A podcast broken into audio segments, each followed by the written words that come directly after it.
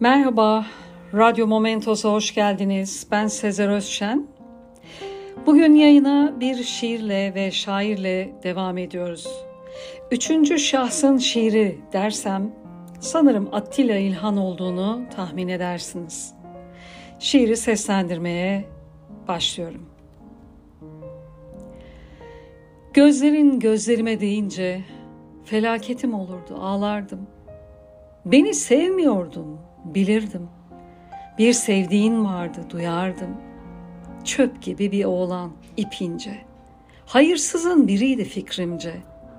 Ne vakit karşımda görsem, öldüreceğimden korkardım. Felaketim olurdu, ağlardım. Ne vakit Maçka'dan geçsem, limanda hep gemiler olurdu.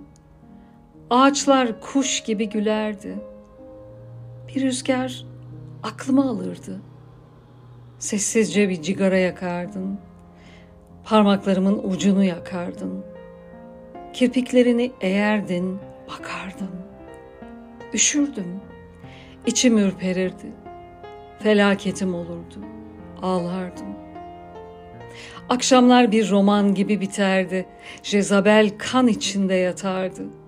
Limandan bir gemi giderdi. Sen kalkıp ona giderdin.